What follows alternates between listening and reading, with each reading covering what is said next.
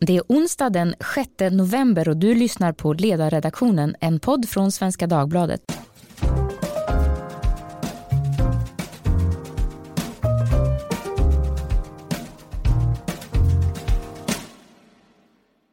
Jag heter Maria Ludvigsson och idag ska vi tala om borgerlighetens värderingar. Låter inte det sexigt nog kan man tillägga Arbetsförmedlingen, privatiseringar och marknadsekonomi. Med mig i studion har jag Karin Svanborg Sjövall, VD på den marknadsliberala tankesmedjan Timbro. Välkommen! Tack så mycket. Här finns också mina kollegor ledarskribent Olof Ehrenkrona och Lydia Wåhlsten. Välkomna ni också. Hallå, hallå. Hallå. I morse hördes tidigare finansminister Anders Borg intervjuas i P1 Morgon. Han var bland annat kritisk till Centerpartiets förslag om hur Arbetsförmedlingen ska reformeras. Den debatten har även pågått ett par dagar mellan Karin Pil på Göteborgs-Posten och ledarsidan företrädd av mig. Medan Pil menar att privatiseringar inte har ett värde i sig är Svenska Dagbladets linje att det i högsta grad är ett mål i sig att staten begränsas. Pil menar att privatiseringar allt för ofta är borgerlighetens svar på politiska frågor. Hon skriver så här. Privatiseringsivern är särskilt utbredd inom Centerpartiet. Det verkar nästan inte finnas någon hejd på vad som går att privatiseras eller vad privatiseringar är tänkt att lösa. Så min första fråga till er är om detta är, verkligen är borgerlighetens problem. Att man vill privatisera för mycket. Nej. Nej. Nej. Oj, det här var en enad front. Eh, Lydia, varför är det här inte? Nej, men jag tror att man gör ett misstag när man säger att eh, borgerligheten vill privatisera för mycket. Vi har väl snarare sett en trend under väldigt lång tid att man inte vill privatisera. Och jag tycker någonstans får man ju välja linje. Å ena sidan säger man att man har skapat en massa kvasimarknader inom skolsektorn och välfärdssektorn. Å andra sidan säger man att privatisering är lösningen. Jag menar, båda kan inte vara sanna samtidigt. Antingen är det så att vi inte har privatiserat och att det är ett problem. Eller så har vi inte privatiserat eh, för mycket så att säga. Olof? Ja, alltså Arbetsförmedlingens problem var väl från början att den hade monopol. Mm. Sen bröt vi upp monopolet och fick konkurrensutsatt arbetsförmedling. Det var ju bra. Eh, att vi har privat arbetsförmedling är bra. Frågan är om vi ska ha en statlig eller kommunal arbetsförmedling. Och där kan man ju då ställa sig frågande inför den arbetsförmedling som vi haft eftersom den inte har förmedlat arbeten utan till och med i några fall som jag fick höra idag har gjort att folk som har fått arbete via, eh, eller sökt arbete via Arbetsförmedlingen har hamnat längre från arbetsmarknaden efter att ha varit i kontakt med Arbetsförmedlingen än de var innan. innan. Och det är inte bra. Det är inte bra, Nej. det kan vi tro. Karin? Ja, men jag tycker Lydia är inne på något ganska viktigt just kring eh, det här med privatiseringsivern är ju en, är ju en anomali i det här sammanhanget. Vi, möjligen skulle man kunna säga att borgerligheten har haft någon slags outsourcing-iver. Mm. För det är ju praktiken det vi har gjort. Vad är det för skillnad på privatisering och outsourcing? Ja, den, huvudskillnaden är, ligger ju i finansieringen. Så, att säga. Så, så länge man tycker att, att pengarna ska vara statliga eller offentliga och komma från skattebetalarna um, så har man ju inte privatiserat i praktiken någonting. Utan vi har haft den här mellanvägen med kundval istället. Som har just upphov, gett upphov till en hel del kvasimarknader. Och det har funnits en del goda skäl för det. Men man måste liksom kunna göra skillnad på privatisering och outsourcing. Och på kvasimarknader och på så att säga, riktiga marknader. Och jag tycker väl snarare om man tittar på hur den borgerliga debatten har förts de senaste åren att det är en förstatligande iver mm. i borgerligheten som är ganska dramatisk. Det gäller ju på alla områden. Eh, tittar man i välfärden så är det kanske mest uppenbart egentligen. Liberalerna vill förstatliga skolan. KD vill förstatliga sjukvården, KD har till och med velat förstatliga civilkurage, införa lagar. Centerpartiet har velat ha liksom, statligt riskkapital. Det har snarast varit en stor uppfinningsrikedom kring att, eh, kring att gå tillbaka till ett system som borgerligheten för inte så länge sedan mobiliserade emot. Jag tycker egentligen att det stora problemet är privatiseringen inifrån. Eh, nämligen när den offentliga verksamheten tar över managementbeteenden från det privata näringslivet och på så vis skapar ett asymmetriskt förhållande mellan incitament och styrning. Mm. Och det är det vi ser nu inom sjukvården, inom polisen, inom, inom eh, ja, upphandling av eh, offentlig verksamhet. Att man vårdar varumärken mer än producerar de tjänster som är varumärket. För att återgå till eh, själva privatiseringsfrågan, Karin du är inne på att man blandar ihop det här. Man säger att nästan oavsett vad man gör som är av borgerlig politik så kallas det för privatisering. Men när du nämner att man vill förstatliga igen då är det ju inte från något som idag är på marknaden utan det är det som idag är kommunalt. Ser du det också som ett problem? Det finns ju en mängd olika varianter som man kan göra det här på. Eh, men, men utgångspunkten var ju kring den kompromiss som man slöt med liksom den så att säga, moderna blandekonomin. Mm. Eh, handlade ju just om att man slutade prata om finansiering helt och hållet. Ja, ja nej, jag tänker bara på när vi pratar om privatiseringar och vilka misslyckade privatiseringar som vissa då ser så pratar vi väldigt sällan om de lyckade privatiseringar som har skett. Och en sån sak är ju apoteket som avreglerades. har blivit mycket mer positiva effekter än vad som förväntades. Och det pratar vi inte om. Så det finns ju också så att säga, ett problem i vad man väljer att fokusera på. Man glömmer de privatiseringar som har skett som har fallit ut väldigt väl. Och eh, sen så finns det väl en slags nymoralism också som har ett uppsving. Jag menar, diskussionen kring Systembolaget är en sån. Och där ser vi ju att argumenten för olika monopol, de har ju skiftat. Nu pratar man om att Systembolaget de erbjuder en sån fantastisk service. Mm. Men det var ju inte riktigt därför vi hade ett systembolag, eller hur? Eh, så att det, det finns många delar av det här. Sen så kan man väl säga också att borgerligheten har ju tagit oerhört mycket skada av migrationskrisen. Det var ju den som utlöste det här inomborgerliga kriget kan man säga. Men vi, vi håller oss till privatiseringsfrågan. Jag tror du har rätt i det att det idag så handlar allting, man förhåller sig hela tiden till migrationsfrågan och glömmer egentligen de idémässiga skillnaderna. Men om vi går tillbaks till den eh, vad ska vi säga, idéfattigdom inom borgerligheten där man helt plötsligt tycker att eh, privatisering är någonting som har gått för långt. Vad skulle ni säga är eh, de viktigaste, vad är det att vara borgerlig? Vad är de principiella grundläggande synsätten som gör den borgerliga politiken? Den första principen är väl att man sätter individen före systemet. Man måste utgå från individen och inte att systemet ska bevaras. Och för att svara på frågan vad som har hänt så tror jag att det är flera saker. Dels är det ju så att säga en makrotrend i samhället som jag tror är reell. Det här mellan diskussionen mellan globalism och nationalism. Att den eh, har förändrats väldigt mycket. Men sen så finns det också realpolitiska saker som har spelat in. Jag menar vi har haft en alliansregering under väldigt många år. Det här påverkade inte minst ungdomsförbundet. Ungdomsförbundet ska ju vara en ideologisk plantskola skola. På den borgerliga sidan finns det inte särskilt många hus för att husera eventuella nyliberaler där de kan eh, utveckla sina idéer. Och det som hände med MUF, jag menar, man kommer ihåg den här kampanjen som de körde, jobben först. Det var alltså en mm. kampantröja som de drog omkring med, hade lika gärna kunnat vara kommunal. Mm. Så att det är klart att har man regeringsinnehav, det här har också drabbat Socialdemokraterna under många år, då påverkar det också den ideologiska utvecklingen väldigt mycket. Det blir mycket svårare och eh, intresset att göra karriär inom partiet blir större. Jag vill dessutom lyfta fram att eh, när vi talar om de här eh, liberalismens kris eller så, så, så ska vi vara medvetna om att när det gäller ekonomins utveckling så har det faktum att man övergick till en så, citat nyliberal ekonomisk politik på 80-talet har ju varit ut, utomordentligt framgångsrikt. Sådana här saker som hög inflation lider vi inte längre av. Vi lider inte av en massa valutaregleringar och finansmarknadsregleringar utan vi har väldigt låga transaktionskostnader på kapitalmarknaderna jämfört med hur det var tidigare. Och vi har fått en upp, ett uppsving i tillväxten. Vi har eh, eh, strukturellt sett mycket högre tillväxt idag än vi hade på, eh, på den tiden då vi lät oss regeras av gamla keynesianska tankegångar. Så att, jag vill nog med bestämdhet hävda att den nyliberala omläggningen på 80-talet var väldigt framgångsrik när det gäller makroekonomin. Men då måste jag ändå få invända, jag skulle kunna säga ibland när folk säger att det är nyliberalismen som, som råder. Om det vore så väl ändå, är det verkligen Karin, du som sysslar med detta dagligen och in i den här debatten, kan man verkligen tala om att Sverige är ett nyliberalt samhälle? Alltså när vi avskaffar värnskatten så går vi från en effektiv eh, marginalskatt på från 76 till 73 procent. Eh, det är ganska långt ifrån någon typ av nyliberal utopia i, i, min bok i alla fall. Så nej, jag skulle säga att vi befinner oss eh, väldigt långt ifrån den typen av samhälle. Det finns en enorm tilltro till både statens och till politikens makt. Mm. Eh, både inom höger och vänster? Ja absolut. Och det är väl därför som jag tycker också att det är, att det är väldigt svårt att besvara din fråga på vad mm. är borgerligt idag? Men säger så här, vad borde vara borgerligt? Är och bör är olika saker. Hur borde den vara? Ja, jag är ju så gammaldags att jag tyckte att det som Lydia var inne på med att man har ett individcentrerat perspektiv, att man tycker att det finns och bör finnas starka gränser för vad staten kan göra. Att demokrati är utmärkt men att majoritetsbeslut inte är lämpligt på alla områden. En ganska klassisk definition.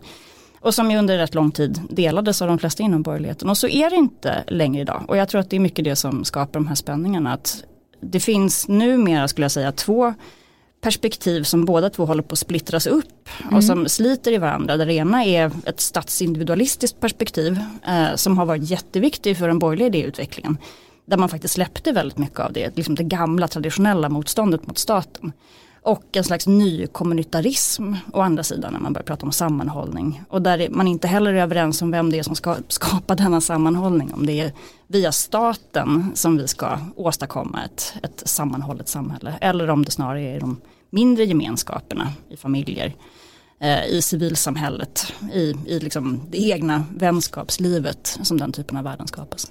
Har det blivit då inom den delen av borgerligheten så att även det som är civilsamhälle och det som är tidigare varit privat och liksom den, den nära sfären nu politiseras? Att även det ska ha kanske bidrag eller eh, vissa goder från staten för att det ska kunna leva istället för att lämna det i fred? Ja absolut och, och den utvecklingen har ju som sagt skett väldigt mycket på den borgerliga kanten. Det är ju en del av det statsindividualistiska. Och som man kan se tydligt tycker jag inom ungdomsförbunden också att, att eh, på den liberala kanten så pratar man väldigt mycket om feminism och man pratar väldigt mycket om Alltså den här typen av moderna, progressiva, kanske postmoderna frågor. Men där väldigt mycket av energin och liksom viljeriktningen handlar om vad, vad, politiken ska göra för att, för att frigöra.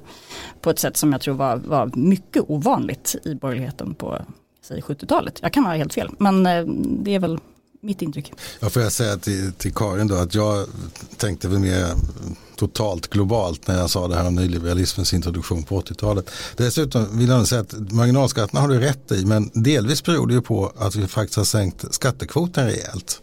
När den toppade på 55 och är nu nere på 43. Eh, och det är en funktion av att vi har sänkt skatterna för den breda inkomsttagargrupperna, bland annat genom jobbskatteavdragen. Det har ju då, eftersom vi inte har avskaffat värnskatten tidigare, har det ju fått till effekt att vi har fått högre marginalskatter och det har varit ett problem givetvis. Men generellt sett så har det ändå skett en kraftfull liberalisering av den ekonomiska politiken över en period på 40 år. Och den har varit, menar jag, entydigt nyttig. Inflationen är nere väldigt lågt och arbetslösheten är generellt sett väldigt mycket, mycket lägre. Eh, Sverige ligger då fortfarande nu väldigt högt och det tror jag sammanhänger bland annat då med marginalskatteproblematiken som har gjort att arbetsmarknaden inte fungerar väl och en del andra marknader som heller inte fungerar väl. Eh, men, men jag vill ändå säga att jag tycker det är viktigt att vi ändå erkänner de framgångar som har mm. varit under de senaste decennierna för annars så blir det bara säck och aska. Det är för dystert. Ja, det blir inte sant. Nej, men om man diskuterar liksom idéutvecklingen på den borgerliga sidan, då, också, då kan man ju, apropå perspektiv, så får man väl också se hur ser det ut på vänsterkanten då. Det är ju också ett förfall där man blandas då mellan den här postmoderna eh, woke-människor. Eh, å ena sidan och rena marxister och andra sidan. Så på den sidan så är det inte heller så mycket idéutveckling som sker. Och det är väl det vi pratar om idag. Var, varför sker det inte mer? En sån sak som jag minns att när jag gick Stureakademin, Timrås utbildningsprogram för unga människor en gång i tiden, så fick vi läsa en bok som hette The Commanding Heights, som mm. handlade liksom om vad ska, man, vad ska man driva åt för någonting. Och tidigt 2000-tal det var det ju väldigt mycket fokus på att världen blir bättre, globaliseringen och så vidare. Sen kom alliansregeringen 2006 och då menar jag då att det la sordin ganska mycket på utvecklingen inom eh, den ideologiska sfären. Och frågan är vad är den här moraliska kommandohöjden idag? Vad är det där man kan säga att det är bara liberalismen som kan lösa de här samhällsproblemen som folk upplever? Och tittar man då på vad folk i gemen i Sverige tycker är viktigt. Ja, första frågan är migration, sen kommer lag och ordning och sen kommer välfärden. Så skulle jag säga någonting där det finns en potential och som fortfarande är fullständigt genomreglerat så handlar det ju just om välfärden. Och där finns det jättemycket saker att göra. Jag skrev en text här för någon vecka sedan om 1177 och det finns ju då en föreställning om att SKL ska kunna samordna alla vårdsamtal i Sverige till en central organisation och sen ska de slussa ut det här. Och det här är ju för att de möter sånt enormt, eh, enorma problem med att hantera de här nya digitala vårdgivarna. Och här tror jag att det ligger någonting, men det kanske inte är så att eh, unga är särskilt sjuka och kan gå igång på de här frågorna. Det får väl Karin svara på, men här tror jag att det, det finns någonting. Och sen också den här fria rörligheten, det är ju fortfarande någonting som eh, unga människor ändå har en, ett helt annat förhållningssätt till än, än äldre generationer. Ja, man tar för givet att man ska kunna eh, åka utomlands, eh, jobba utomlands. Man ser inte Eh, det här på samma sätt som man har gjort tidigare tror jag. Vad är skillnaden egentligen då i den yngre generationen som du möter Karin eh, mellan höger och vänster och, och den ideologiska skillnaden? Alltså en viktig skillnad som inte bara behöver vara dålig, det är ju att man, man för en annan typ av diskussion om staten, eh, även om rättsstaten som man inte gjorde tidigare. Och det är ju rätt naturligt eftersom vi har just ett, ett, liksom ett mörkare omvärldsläge, det finns liksom nya typer av spänningar i samhället, det är sprängningar och så vidare. Och det gör att man har börjat även på borgerligt håll, både bland unga och bland äldre, eh, dis, liksom diskutera mer, vad har staten för skyldigheter gentemot oss i det som är själva kärnuppgiften. Ehm, men den är ju inte så enkel som man kanske vill göra. Det handlar inte bara om, om fler poliser utan nu har vi ju diskussion om terrorlagstiftning, hur långt kan den gå? Ehm, vi har en integritetsproblematik som inte lyfts särskilt ofta men som är högst reell. Ehm, så på, på, många sätt så har, ju, så har ju diskussionen och idédebatten flyttats eh, till en mycket mer så att säga, materiell plats. Alltså det handlar ju på ett sätt mycket mer om det som är liksom, kärnuppgifter i liksom, det offentliga kontra det privata nu än vad det gjorde tidigare. Och man märker också att det här är en diskussion som vi inte är särskilt vana vid att ha. Vi har börjat prata om konstitutionella frågor för första gången på, på flera år. Maktdelning och det har vi ju inte behövt göra tidigare för det har inte funnits så mycket att oroa sig för. Um, nu gör det plötsligt det. Och det här tränger ju ut andra frågor som man som liberal kanske önskar att man kunde prata mer om. Um, men samtidigt så tror jag att det är ett, ett korrektiv som är, som är ganska nyttigt. Och en idédebatt kan ju inte bara handla om att man, att man upprepar gamla teser. Utan att man också faktiskt är beredd att se att men, i, i och med att nya typer av utmaningar uppstår så måste ju idédebatten också följa efter. Man kan väl också säga att eh, Lena Andersson är väl inne på någonting viktigt också lite grann kring hur man har motiverat liberala idéer genom historien då från organisationer som till exempel Timbro. Och då menar hon att det har legat ett väldigt stort fokus på det som har varit lite mer lättsålt kan man väl säga. Alltså att genom data bevisa mm. hur utvecklingen blir bättre. Och det har ju varit väldigt värdefullt men att eftersom att det är svårare att sälja in de principiella idéerna så tenderar debatten hela tiden att glida mot det datadrivna. Det problemet med det datadrivna eh, argumentationssättet är ju att data kan visa både det ena och det andra beroende på hur man vrider den. Eh, kanske. Jag tycker väl att det ligger någonting i det här och då är ju frågan så här, ja hur ska man förklara det där? Ja, ett sätt är väl eh, hur man kommunicerar. Det tror jag är jätteviktigt. Hur når man de här grupperna? Jag har ju massor med syskonbarn och jag ser ju att de sitter ju hela tiden på Youtube, tittar på väldigt tveksamma filmer då om migration till exempel. Vilket gjorde mig ganska eh, bekymrad för att vad sker den här diskussionen? Menar, det finns någon, någon forskning som jag minns refererade till att det är kring 16 då formerar vi vår, våra politiska åsikter. Sen ligger de ganska konstant. Jag tror man byter åsikt av två tillfällen när man får barn och när man köper bostad. Då blir man väldigt intresserad av privatekonomi. Men vad är de här individerna någonstans och hur ska man nå dem? Och framförallt hur ska man nå dem med idéer som kanske till och med känns helt ur tiden relativt liksom den diskussion som är i övrigt. Det är ju ändå så att vänsterns pyramidala misslyckande under 70 och 80-talen speglade sig i data. Och det var ju ett sätt att illustrera hur misslyckad socialismen var. En del upptäckte ju inte att socialismen var misslyckad förrän muren föll. Vi var några stycken som upptäckte att den var misslyckad långt dessförinnan.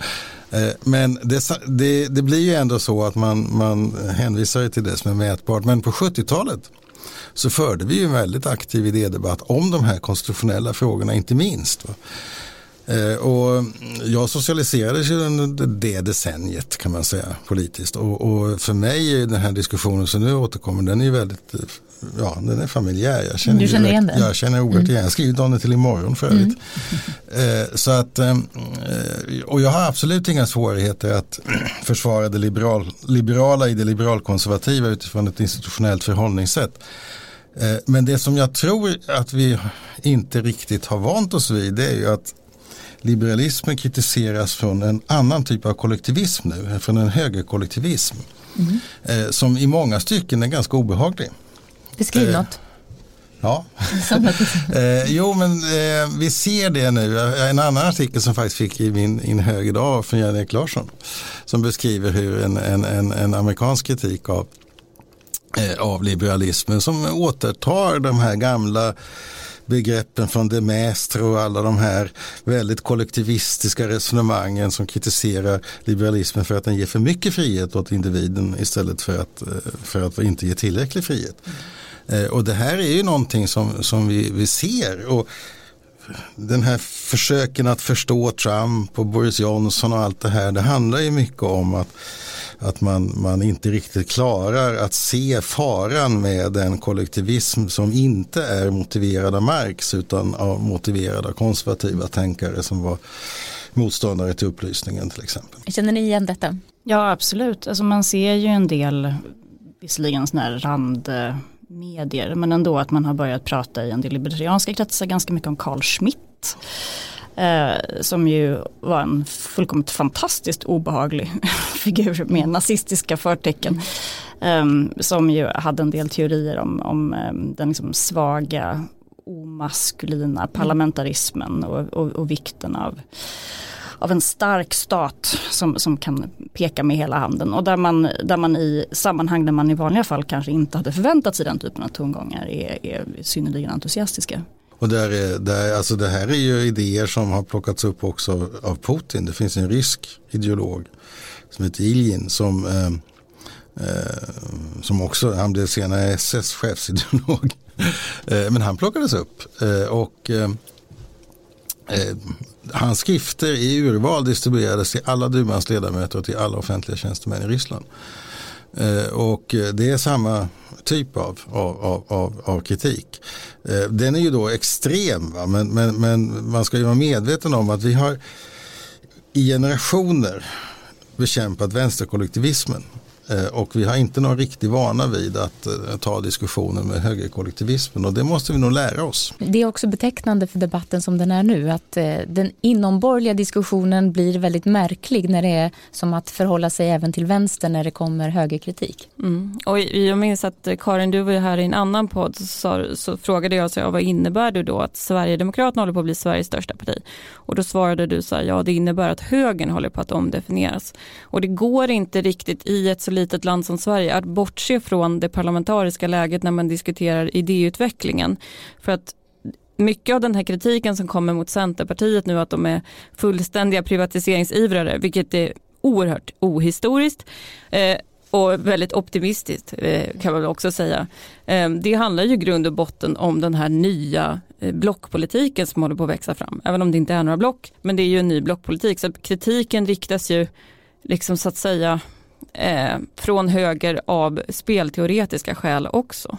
Det finns ju också från eh, mer konservativa håll en kritik då mot det som kallas eh, liberalt för att det på något sätt skulle vara värderingslöst. Så den gamla kritiken mot liberalismen som någonting som inte tycker att någonting är viktigare än det andra, att allting är relativt. Varför har den kommit nu? Det finns ju många så kallade kommunitärer inom det konservativa som säger att vi måste ha värderingar och då måste staten se till att man främjar den sortens värderingar som familj och så vidare. Är det här någonting som kommer bli en borgerlig take? Karin? Ja det har ju legat och bubblat ett tag och det tror inte jag kommer att försvinna. Att, att det som eh, man inom borgerligheten tidigare och kanske delar av borgerligheten fortfarande kallar för tolerans översätts rakt av till, till relativism. Um, och det är det inte så många som har väldigt bra svar på. Det har ju blivit svårare, ska man väl vara ärlig med att säga också, att, att säga att man är för pluralism när alla tyckte ungefär, alltså, när alla mm. tyckte ungefär samma sak så var det väldigt enkelt att vara för pluralism. Eh, det är väldigt enkelt att vara emot kvinnlig könsstympning. Det blir svårare när det kommer till praktiker som är oss främmande ehm, och som man kan uppleva är stötande. Att gå emot ryggmärgsreflexen, att vilja bli av med det. Men jag tror att, att det, det stora idékomplexet här, den stora nya konflikten handlar ju om, om, om pluralism i flera bemärkelser. Den är ju både ekonomisk och kulturell.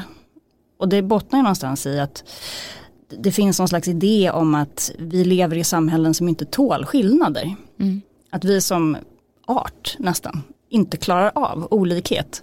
Då är vi för övrigt tillbaka i Carl Schmitt som menade just det att homogenitet var oerhört viktigt därför att om man inte lyckas upprätthålla ett, ett, ett homogent samhälle så kommer vi genast att börja slå ihjäl varandra och därför så blir det viktigt att upprätthålla enhet. Och det här går ju igenom lite grann tycker jag i, i diskussionerna kring, kring privatiseringar och ekonomi som ju också handlar om pluralism. Alltså det är ju också en, en ångest som finns på många håll för att man inte kan kontrollera, för att man inte kan styra, för att man inte kan planera. Eh, och man, man har väldigt lite förtroende för att olika sätt att göra saker på. Vilket ju är liksom den så att säga, moraliska grunden för att man vill kanske outsourca eller privatisera eller ha olika typer av konkurrens. Att det kommer kunna leda till något gott. Utan eh, det vi ser nu är ju en, en väldigt stark trend som har att göra just med att det är, så, det, det, är ett, det är inte en tillgång att man gör saker på olika sätt. Och att man inte heller alltid vet riktigt vad som kommer att komma ut. Mm. Utan det är det som är det stora problemet. Finns det allt mer även inom borgerligheten då en vilja att styra utfallen? Ja, och det tror jag gärna har att göra med att, att det finns en generell oro. Mm. Jag tror att det är en helt naturlig reaktion bland väldigt många människor. Att när man upplever världen som mer otrygg så, så, så känner man ett ökat behov av kontroll uppifrån. Alltså man ställer andra typer av krav också på politikerna. Att, att, att kunna lova medborgarna kontroll men det som, som Karl Popper och också Hayek ju ändå visade väldigt tydligt var ju att pluralism är mera tryggt än, än, än enfald. Eh, och Carl Schmitt landade ju med att vara den främsta försvararen, juridiska försvararen för en politik som gick ut på att uppnå enighet genom att slå ihjäl alla andra. Eh, och det är klart att, att eh, det är ju ingen, eh, det, det, det kan vi ju lära oss mycket av. Va?